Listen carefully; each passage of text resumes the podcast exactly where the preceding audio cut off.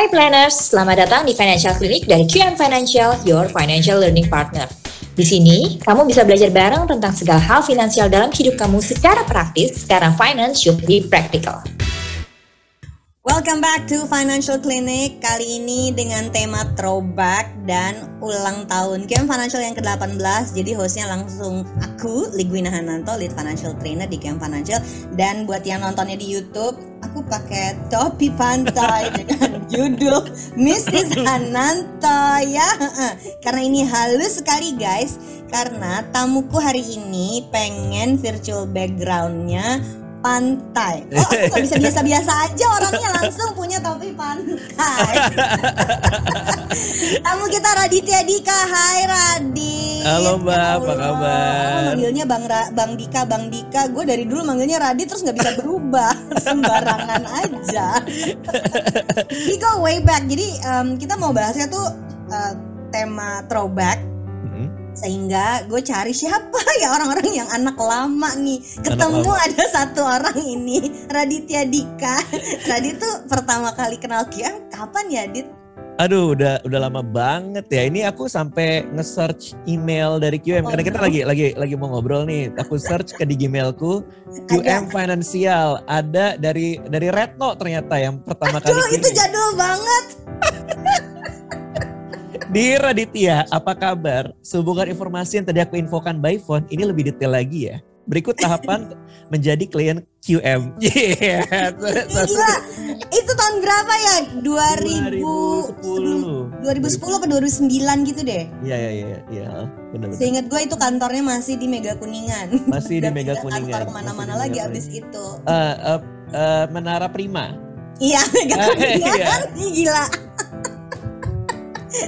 Kalau mau jadul-jadulan Radit juara banget disimpan lagi. Iya Aduh. iya. Semuanya ada di sini. Jadi zaman dulu tuh kita masih ada jasa financial planningnya, tapi hmm. sekarang kita adanya jasa financial training atau belajar finansial. Jadi kalau zaman dulu ada rekomendasi apa nih mbak? Nah kalau sekarang orang nanya gitu, gue jawabannya ada kelasnya, mau ikutan yuk ikutan kelasnya sendiri. sekarang kita bikin kayak gitu.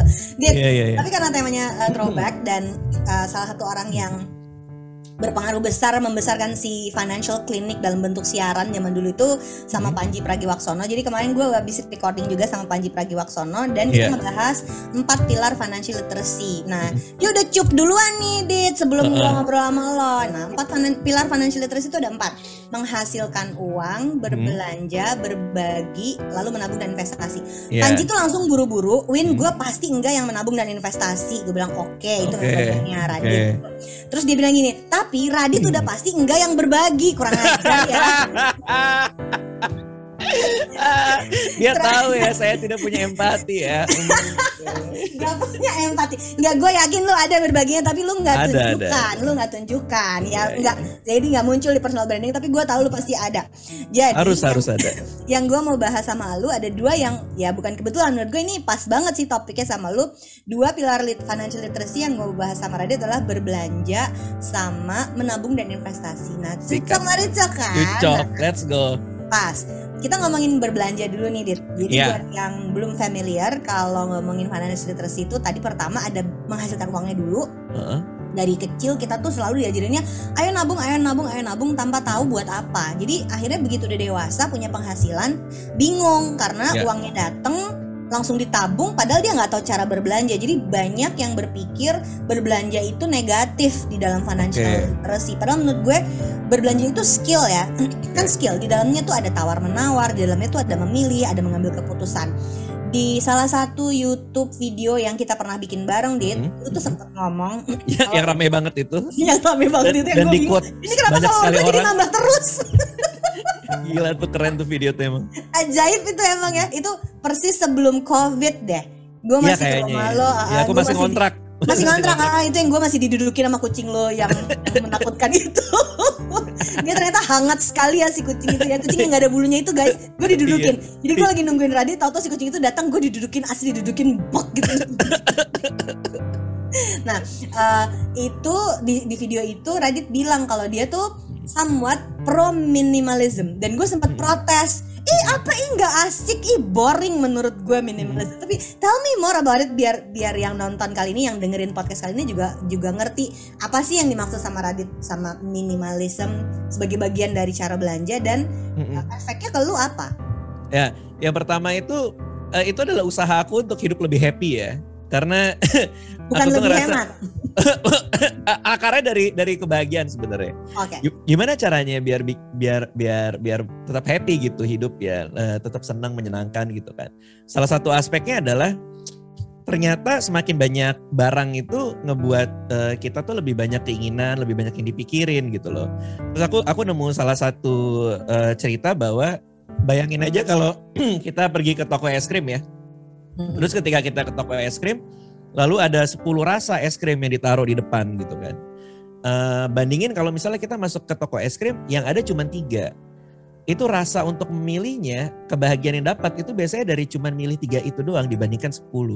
Kenapa? Karena kalau misalnya kita ambil salah satu rasa terus kita makan, kita mau rasa yang lain ya tinggal ngambil satu lagi. Tapi 10 kan ada 9. Kita akan penuh dengan kalau gua seandainya milih yang A gimana ya, yang B gimana gitu loh. bingung ya Nah. jadi si otak manusia tuh nggak bisa nerima kalau pilihannya terlalu banyak Iya gitu dan, dan akan lebih konten akan akan lebih senang kalau misalnya cuma dari pilihan yang sedikit dan dan utility yang dihasilkan atau kebahagiaan yang datang dari pilihan yang sedikit itu akan jauh lebih tinggi ketimbang milih satu dari 10 gitu loh.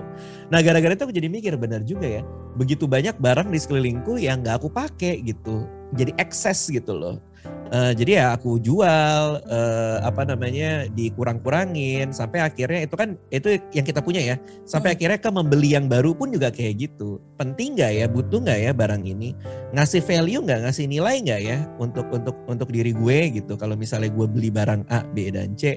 Nah berangkat dari situ mindful spending itu jadi jadi kebawa terus sampai sekarang. Yang lucu gini kemarin tuh untuk pertama kalinya ya setelah ppkm ini aku jalan ke mall sama istri kan. Kita jalan-jalan kita makan gitu kan. Lalu eh, mampir ke toko sepatu karena istri nunjuk ke sepatu terus dia bilang itu lucu banget sepatu buat kamu gitu kan. Oh iya gitu. Nah aku baru dapat kontrak. Anissa ini belum belum sampai ke minimalisme kayak Radit? Belum belum. Tapi nggak apa-apa juga. Pro Anissa? Tetap masih gue gue dukung nis tapi nggak apa-apa juga. Maksudnya iya dia dia memang enggak gitu. Em, ini ini pembicaraan kita di kasur tadi nih sebelum podcast nih. Eh, dia dia lagi pamerin kacamata yang baru dia beli di Senayan City kan kita di PS dia nyebrang ke Senayan City terus dia pamerin eh, aku mau IG story aku pakai kacamata ini. Terus kamu tuh boros banget ya. Aku bilang kayak gitu. Kamu kenapa eh, eh, kenapa kamu nggak mau beli yang kemarin? Nah aku aku mampir ke toko sepatu aku ngelihat ada sepatu lucu banget gitu ya. Dan aku baru dapat kontrak eh, lumayan besar lah untuk sebuah program gitu yang panjang gitu. Jadi bisa lah nih sepatu pakailah buat program itu gitu loh maksudnya gitulah kira-kira masuk oh jadi An- bahkan pas mau beli sepatu aja yang paling Hmm. harganya buat Radit nggak terlalu besar lah mampu gitu belinya iya heeh. Lu aja sampai mikir oh mau ada satu program sepatunya bisa dipakai untuk program jadi bukan beli Iya. for lucu gitu betul cara, nah cara berpikir lu tuh gitu kalau belanja Iya, eh, tapi ini masih panjang nih. Jadi mikirnya, oh, gue ada program nih. Mungkin gue bisa beli sepatu ini. Anissa juga bilang itu. Ini buat kamu pakai di sana gitu. Oh ya udah, aku masuk nih. Aku ngeliat sepatunya. So aku mikir, harganya 2 juta. Perlu nggak ya gue sepatu 2 juta ini? So Anissa tiba-tiba manggil mas-masnya gitu. Mas, mas, eh, ini dong apa namanya minta yang 42 ukuran ukuran Radit gitu, eh, ukuran suamiku gitu tunggu dulu, tunggu dulu, bentar. Perlu nggak ya sepatu 2 juta ini? Akhirnya kita duduk, kita cobain sepatu. Aku mencari begitu banyak alasan buat nggak jadi beli. Kayak misalnya ini, ini, ini kayaknya warnanya tuh nggak pas kalau ini ini kayaknya emang kayak gitu modelnya kata Anissa. Terus udah nggak usah di rumah masih banyak kok sepatu yang lain gitu yang which is Anissa suka beliin juga buat aku gitu. Akhirnya nggak jadi beli gitu. Jadi jadi udah dibikin Udah. sampai ini tuh mau dipakai buat show buat acara tetap nggak jadi dia aduh aduh makanya gitu loh. Maka aku aku tuh nggak tahu kenapa gitu. Aku tuh bahkan untuk sepatu 2 2 juta yang yang buat banyak orang mungkin mahal ya tapi kalau kalau ak- aku tuh udah lama nggak belanja pertama dan kebetulan juga dapat kontrak yang menurut aku secara proporsional itu masih make sense kok gitu untuk Ya. untuk beli sepatu itu gitu sebenarnya jadi ya uh, Anissa tuh misu-misu sendiri gitu. Kamu kenapa sih? Ada apa sih dengan kamu? Ini kan juga modal juga gini gini gini gini gini gitu loh. Ya emang nggak perlu aku bilang uh, di rumah juga udah banyak sepatu gitu.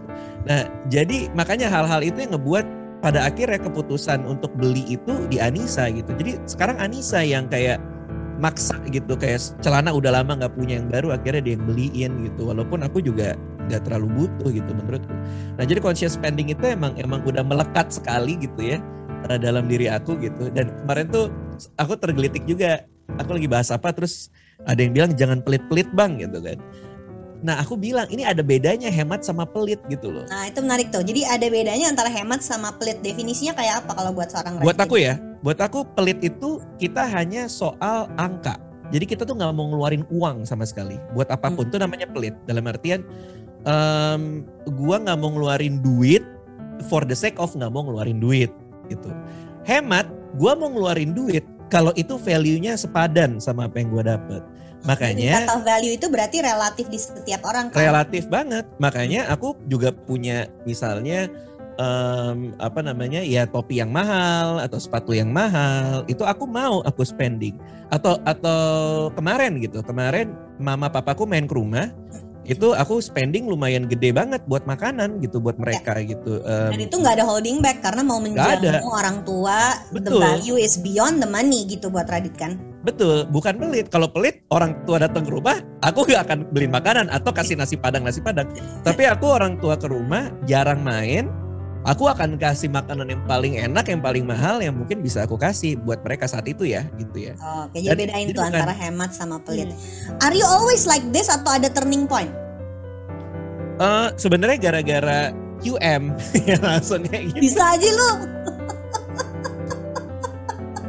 Karena Tapi tuh banyak nggak tahu Radit itu latar belakangnya kuliahnya tuh finance. Jadi waktu ketemu sama tim QM pertama kali bikin hmm. plan 10 tahun yang lalu, 11 tahun yang lalu, hmm. kliknya tuh cepet banget karena lu ngerti kan. Jadi literasi yeah, yeah, yeah. itu dasarnya udah ada, nggak nggak sulit gitu untuk edit kita mulai gitu.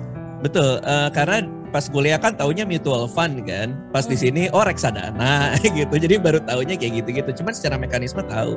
Nah, uh, cuma memang memang berasanya tuh karena karena aku kan bareng bareng QM waktu itu dirapiin, di lebih tertata. Terus yang paling penting adalah memahami time value of money itu kan. Bahwa uang itu bisa berkembang nantinya gitu. Nah, gara-gara itu jadi jadi aku mulai masuk soal opportunity cost itu gitu loh. Kalau gue ngeluarin 10 juta buat beli barang A gitu, ini kan bisa jadi uh, eh, 11,5 juta gitu dengan 15% return di katakanlah di saham gitu misalnya. Jadi gue ada kehilangan 1,5 juta uang gratis nih hanya karena gue memenuhi nafsu gue buat belanja barang 10 juta ini gue kehilangan 1,5 gitu. Nah, uh, opportunity cost itu yang yang jadi pijakan awal gitu ini ini belum ke soal filosofinya. Kalau filosofinya kan tadi ya soal kebahagiaan, value itu belum ke sana dulu pas muda tuh, pas tahun 2009 2010. Baru ke untung rugi gitu waktu waktu 2010. Tapi lama-lama gara-gara memahami untung rugi itu jadi tahu bahwa gue nggak apa-apa kok gue nggak mati kok kalau nggak beli handphone yang paling baru gue nggak apa-apa kok kalau tongkrongan gue pada main motor motor segala macam gue nggak ikut beli gitu gue nggak apa-apa kok kalau kalau manajer gue beli BMW tapi mobil gue masih Honda City gitu nggak apa-apa. Iya ada ada periode itu gue inget banget yang orang tuh ngomongin Radit mobilnya itu aja padahal kan sebenarnya bisa yang walaupun gue sekarang tahu mobilnya udah bukan yang itu tapi iya, iya, ada iya. periode yang orang ngomongin itu dan lu tidak terganggu ketika Enggak. image Radit pelit tadi banyak yang ngomong gitu image yeah. Radit eh, nggak mm, uh, mau beli mobil lebih bagus itu lu yeah. ngadepinnya kayak gimana? Ng ngadepinnya kayak ya ah ter, eh, termasuk Panji Pan, Panji itu emang emang rese nih orang ini pas ada ngomong-ngomong investasi nih orang ini aku tuh lagi program provokatif proaktif sama Panji di Metro TV uh, dan waktu itu tuh make or breaknya dia sih menurut gue Iya Panji ya gitu kan. Kebetulan kok juga ikut kan sama dia gitu dan dan dan waktu itu ada beberapa pekerjaan lain deh yang kebetulan barengan sama Panji juga ada ada iklan juga gitu. Terus dapat uang lah gitu. Nah karena dapat duit manajerku uh, ganti mobil gitu dari uh, eh, CRV ke BMW waktu itu kan. Nah aku dari Honda City ganti mobil juga, jadi Honda City yang baru. nah itu tuh kita sempat nongkrong gitu kan kayak lo kenapa kenapa mobil manajer lebih bagus dah? Gitu ya. Emang nggak perlu gitu. Emang emang nggak perlu nggak perlu ganti buat apa gitu buat buat jadi yang lebih mewah gitu loh. Uh, obrolannya kalau menjawab pertanyaan Wina tadi aku ngadepinnya dengan biasa banget gitu. Orang kiri kanan apa uh, aku pakai handphone apa orang ngomongin gitu. Kok uh, handphonenya ini bukannya ini? Ya nggak apa-apa emang emang nggak nggak masalah kalau buat aku gitu ada satu cerita lu tentang gitar yang lu suka banget.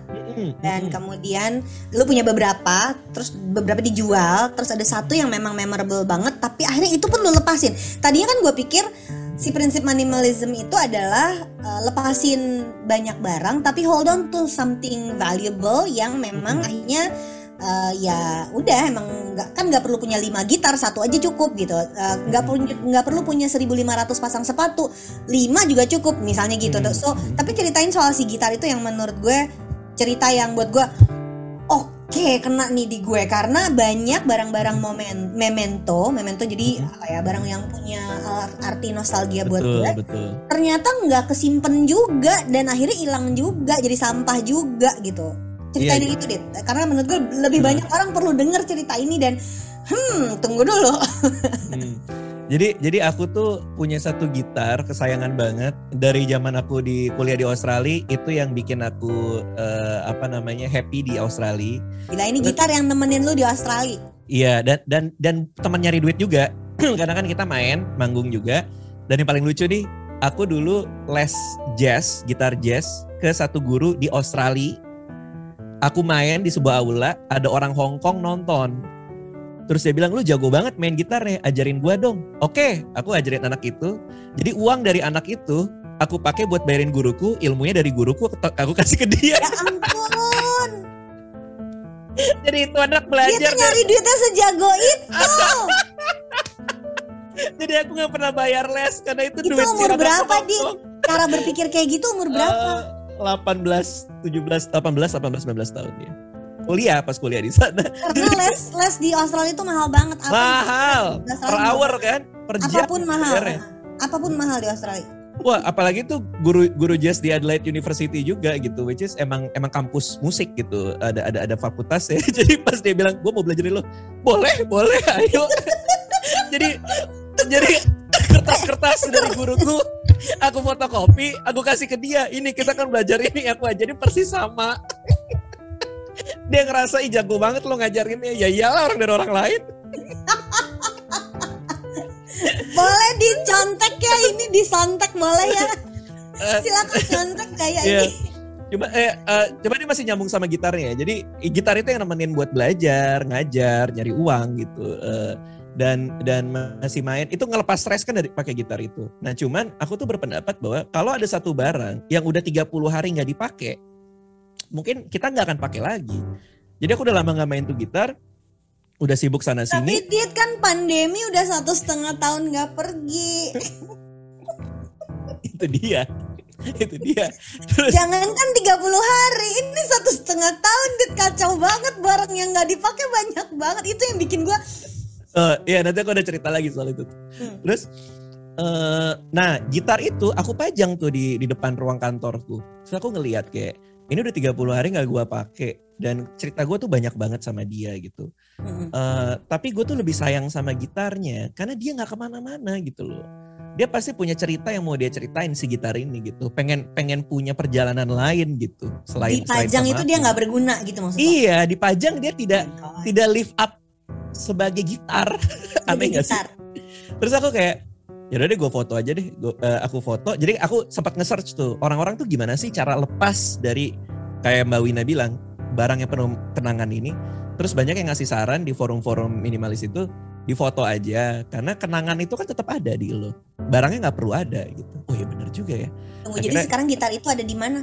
Udah dijual udah dijual. Sumpah itu si gitar yang sangat bersejarah itu iya, udah dijual uh, uh, udah udah udah aku jual. Jadi uh, akhirnya aku jual berapa tahun lalu aku jual.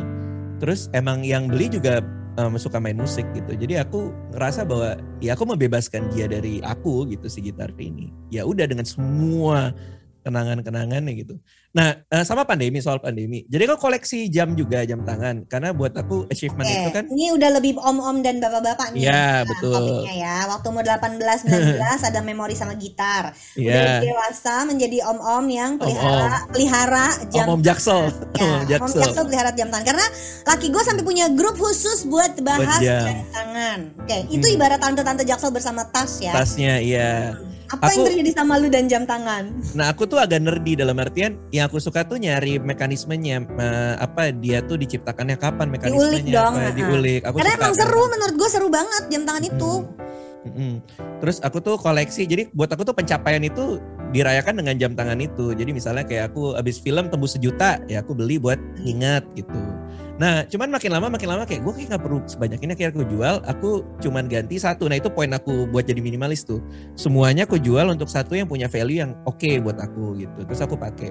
Sampai akhirnya pandemi, nggak keluar rumah, terus aku mikir. Aku bilang ke Anissa juga, kayak aku sama sekali nggak perlu jam tangan nih. Buat apa aku punya ya? aku bilang gitu. Buat apa? Gue keluar juga nggak nggak nggak perlu. Buat diwariskan enggak gitu juga ya. Iya iya iya tadinya juga mikirnya gitu diwariskan tapi apakah Alea suka gitu? Kita kan nggak ada yang tahu gitu.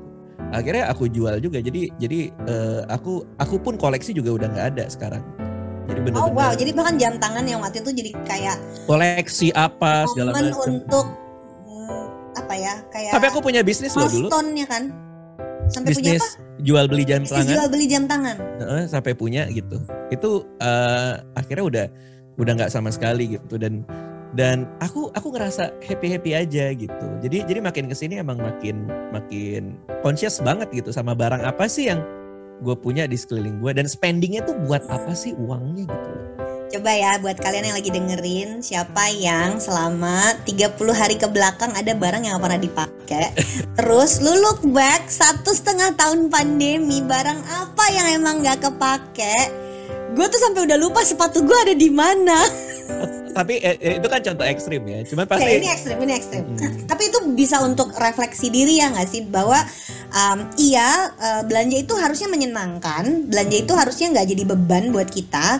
Uh, tapi berarti memang ada barang-barang yang memang kalau ada barang masuk ada yang harus keluar. Kalau nggak kan jadi hoarding barang banyak ya. Dan Iya. gue sok ngomong kayak gini padahal menurut gue gue cukup hoarder orangnya ya. Dan untuk menambah keruhutan ya, lu bisa bayangin gue sekarang hobinya kan merajut.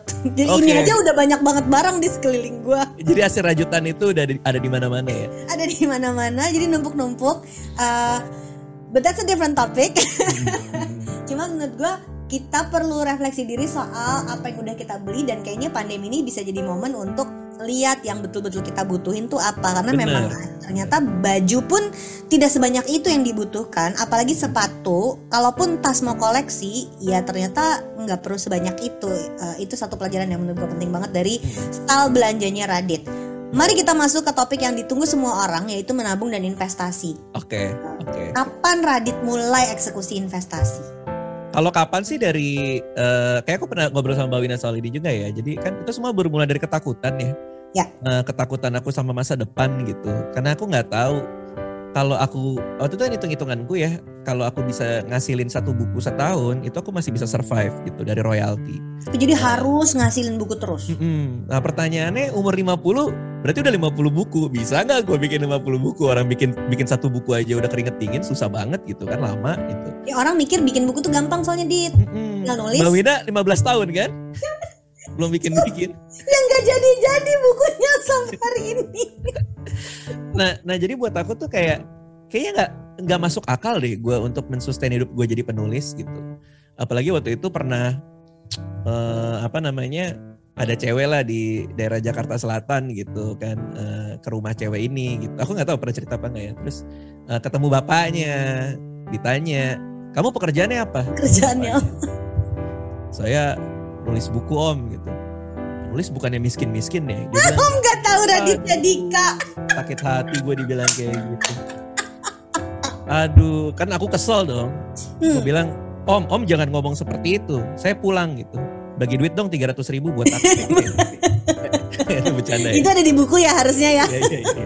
Bercanda, bercanda. Cuman ya, aku gini loh, maksudnya ya aku nggak bisa menyalahkan bapak itu juga ya, karena mungkin dalam lingkup pergaulannya dia atau apa yang dia lihat tuh memang seperti itu. Mungkin dia punya temen SMA lah apa yang mau jadi seniman gitu mungkin ya. Tapi hari itu aku mikir gitu, apa iya ya bakal kayak gitu gitu. Apalagi kan ketemu teman yang teman bilang penulis nanti jadi apa manajer penulis direktur penulis gitu wah itu makin makin pusing lagi saat itu jadi ya oh, jadi di kepala temen lo harus ada kayak jenjang iya, manajer direktur penulis gitu ya mm -mm, mm -mm. tapi itu kan tapi aku itu refleksi buat lo juga dong karena bener aja berarti harus nulis satu buku setiap tahun sampai umur 50 Iya, iya, iya. Pada saat itu kan mikirnya gitu. Kalau sukses semua bukunya kan nggak semua buku kayak buku lo. Iya betul makanya. Ya, ya kalau mau hidup dengan 5 juta per bulan ya berarti royaltinya se setahun harus Kali 12 60 kan. Iya. Hmm. Nah itu kan bisa nggak gitu buku bestseller segitu aja kan udah kita kita agak agak agak kita tahu agak pesimis gitu. royalti itu nggak besar ya. Uh -uh. Nah gara-gara ketakutan itu baru aku uh, cek pertama dari uh, buku itu aku karena aku kan pengetahuan investasinya tuh masih masih minim ya pada saat itu tahun berapa tuh ya ya pas awal-awal bikin buku akhirnya deposito dulu Nah, hmm. karena taunya itu, itu kan klasik banget tuh. Orang tua orang tua juga taunya itu.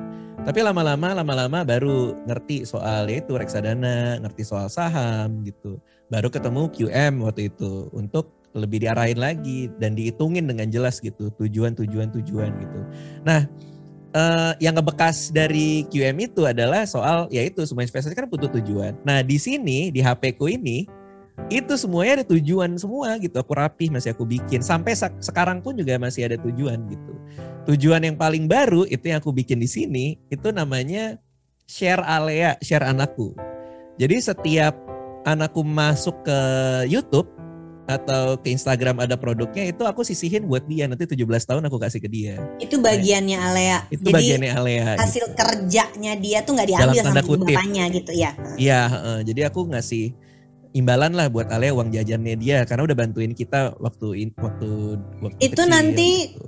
hmm, cukup bikin deredek loh dit jadi gue deredek sama anak ya deredek sama anak itu setiap kali gandeng tangan mereka kelas 1 SD itu pasti pulang nganter gue nangis hmm. yang gue nggak nyangka adalah waktu gue menyerahkan uang yang udah gue kumpulin dari angpau lebaran ulang tahun dan kalau ada foto session anak gue ikut ke Mas Azra yang sekarang udah umur 19 waktu dia umur 18 dia bilang itu uang aku kan masih QQ mama. Aku kan udah dewasa boleh nggak buat aku? Itu gue pertama kali nyerahin itu ya. Pulang dari bank gue nangis dit. Serius? Aduh aku akan merasakan itu ya. Jadi yes it's a very good move lu udah pisahin. Betul. Sehingga ketika nanti itu serah terima it's gonna be momentous. Emosional ya pasti emotional tidal wave. Tapi yeah. tapi uh, gue seneng aduh. banget denger lu udah sisa sisihin terpisah buat Alek Iya, uh, mungkin aku emosionalnya lebih kayak ya habis deh duit gue itu.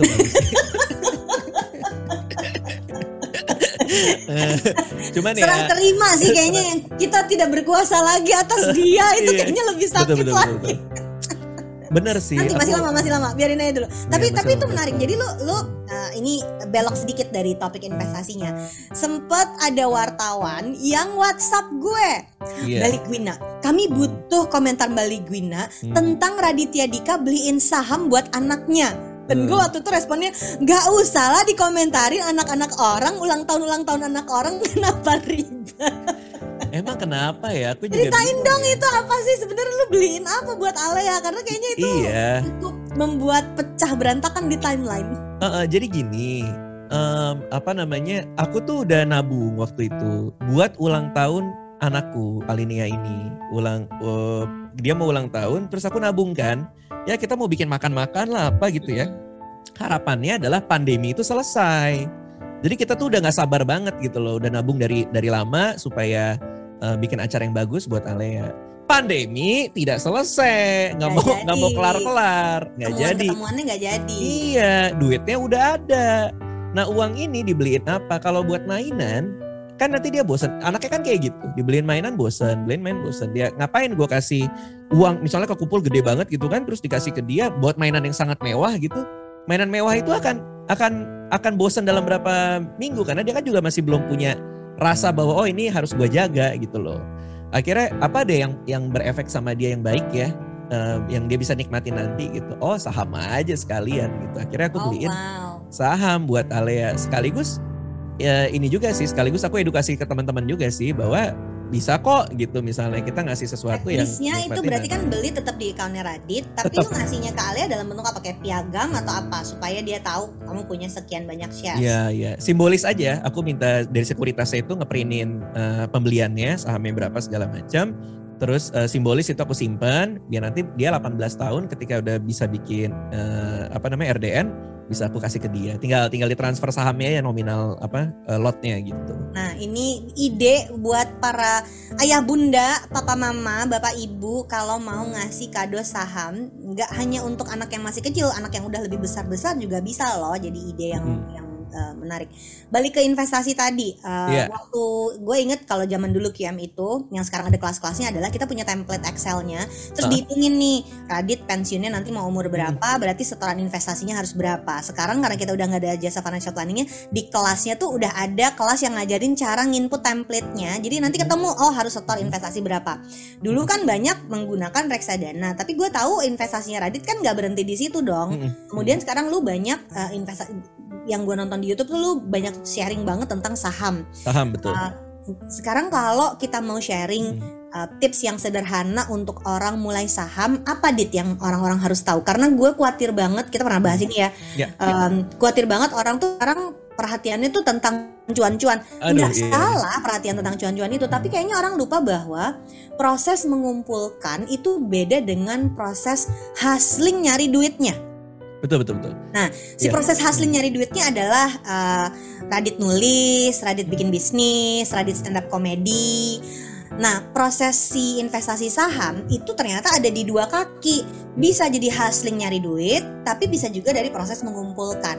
Kalau gue balikin ke lu, lu investasi sahamnya itu hustling nyari duit atau Hmm. proses mengumpulkan, Dit? Oke, ini pertanyaan menarik banget nih dan dan dan aku juga berkali-kali bilang gitu. Kalau buat aku, buat aku ya, karena ini kan pribadi banget ya. Investasi eh, investasi itu untuk memenuhi tujuan keuangan. Ini balik lagi sama yang QM dari dulu suka ajarkan kan. Makanya kita dulu dikasih reksadana-reksadana ini kan bukan buat jadi kaya gitu. Eh, ketemu planner-planner QM ini kan. Tapi emang ini tujuannya reksadananya ini maka tiap bulan segini karena dibantu dengan kenaikan sekian. Makanya nggak ribut cuan-cuan-cuan karena ya, Ya. kayak naik kereta aja, jejes jejes jejes Betul. jejes gitu kan. Nah, Betul. Nah fondasi itu yang aku bawa terus sih sebenarnya. Jadi begitu masuk saham pun, karena di UKM kan waktu itu reksadana ya, eh, nggak ke saham. Karena mungkin akan lebih ribet kali kalau bikin. harus ngumpulin ah, dan nggak ada izin sih nggak punya sertifikasi CFA-nya juga waktu itu terus terus Nah eh, ketika aku ke saham pun juga sama jadinya. Bahwa oke investasi saham gue ini, saham-saham individual yang gue koleksi ini adalah untuk menuhin tujuan keuangan. Bukan jadi kaya. Kayanya dari mana? Dari kerja. Ya kerja jadi penulis dan lain-lain. Kerja itu apa sih? Menghasilkan value yang bisa ditukar dengan uang oleh masyarakat. Kan itu sebenarnya. Jadi jadi money kan by product dari value creation ya. Jadi aku ngasilin values, entertainment lah, apalah segala macam sehingga orang beli gitu. Nah, terus ada ada ada ada juga yang bilang kayak gini. "Eh, Warren Buffett itu kaya dari investasi, iya, tapi pekerjaannya kan jadi investor. Kan Berkshire Hathaway itu kan eh, sebuah perusahaan investasi. Ya kerjanya dari situ. Lo bisa memperlakukan investasi sebagai pekerjaan, nggak bisa nggak lo jadi full time investor menilai saham yang salah yang harga artinya kayak ada timnya loh yang ngerjain itu nggak sendirian juga Iya. pastikan Iya, dan pengetahuan yang sangat dalam gitu kan. Eh ya ya kalau kalau bisa ya ya silakan silakan aja, tapi kalau buat gue dan 80% 90% orang lebih baik sebenarnya eh, investasi itu diperlakukan untuk mencapai tujuan keuangan bukan jadi kaya. Kenapa? Karena begitu kita ketemu aset kelas yang naiknya sangat kenceng gitu ya, sebulan 100 persen 200 persen terus di di apa namanya disebarin oleh banyak orang aku jadi kaya gara-gara ini kita ikutan gak taunya di harga yang tinggi eh, dibanting gitu boncos gitu kan. Siap nggak gitu untuk kayak gitu. Karena ya akhirnya saya return kan dia bisa naik 100% bisa turun 100% juga gitu. Jadi aku lebih eh, lebih ke common sense aja gitu loh. Kita kita pelan-pelan hati-hati gitu dengan dengan dengan penuh. Sama kayak kita beli barang gitu kan tadi. Conscious aja yang kita spending tuh kayak gimana. Kebanyakan orang tuh nggak ngerti soal kalau kita beli saham itu juga juga harus tahu luar dalam gak cuma gara-gara dengar kata teman atau baca di forum gitu ini akan naik gitu kan lu nggak beli handphone gara-gara kata teman atau baca di forum pasti kan lu banding bandingin tuh handphone handphone A speknya apa biasanya kenapa beli saham gak lo bandingin atau lo gak lo telusurin gitu sih menurutku sih Dit apa investasi terbaik yang udah lo lakukan? Versi lo terbaik ya, jadi belum tentu yang paling tinggi returnnya, belum tentu yang paling lama digunakan. Versi lo terbaik, investasi terbaik yang pernah lo lakukan apa? Uh, semua semua investasi itu menurut aku kunciannya itu ada di compounding returnnya kan. Jadi semakin lama kita invest, uh, keuntungannya akan bergulung dia. Bergulung kan. Semua hal baik yang kita bisa investasiin yang mendatangkan compounding return itu layak buat ditelusurin. Jadi menjawab pertanyaan tadi, investasi terbaik buat aku adalah ke aku dan timku.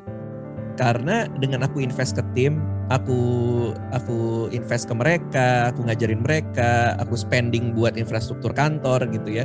Itu akan compounding gitu. Uh, semakin lama mereka kerja sama aku, akan semakin besar efek dari apa yang mereka lakuin dalam pekerjaan yang aku uh, sekarang bawa gitu. Jadi kalau buat aku sih investasi ke diri sendiri dan tim itu yang ternyata returnnya jauh lebih gede gitu. Tapi ya nomor dua ya udah pasti saham gitu. Oke, okay.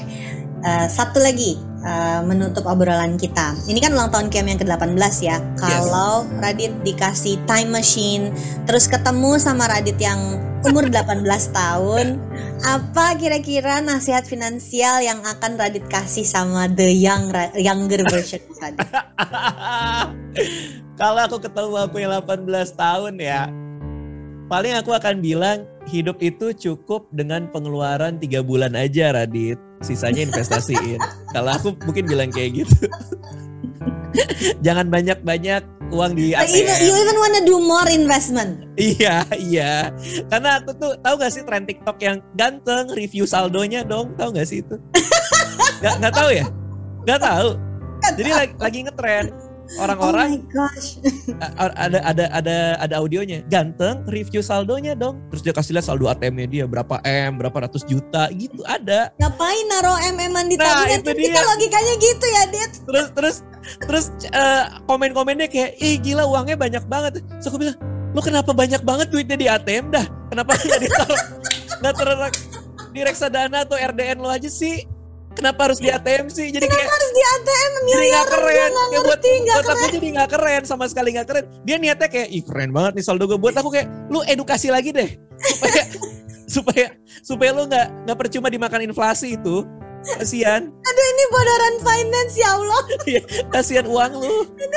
gue temen gue yang menurut gue paling tajir itu selalu bilang nggak punya cash, dit. Iya, Karena makanya. ada di bisnisnya. Betul, betul, betul. Kalau dia punya miliaran dia bangun hotel gitu. iya, jangan. Ganteng review saldonya tuh jangan lah. Ganteng review investasinya ya masih masuk akal. Raditya Dika, thank you so much. Gak banyak orang Sama-sama, yang tahu Radit ini finance geek. Ternyata. Ternyata. I'm so happy to talk to you again.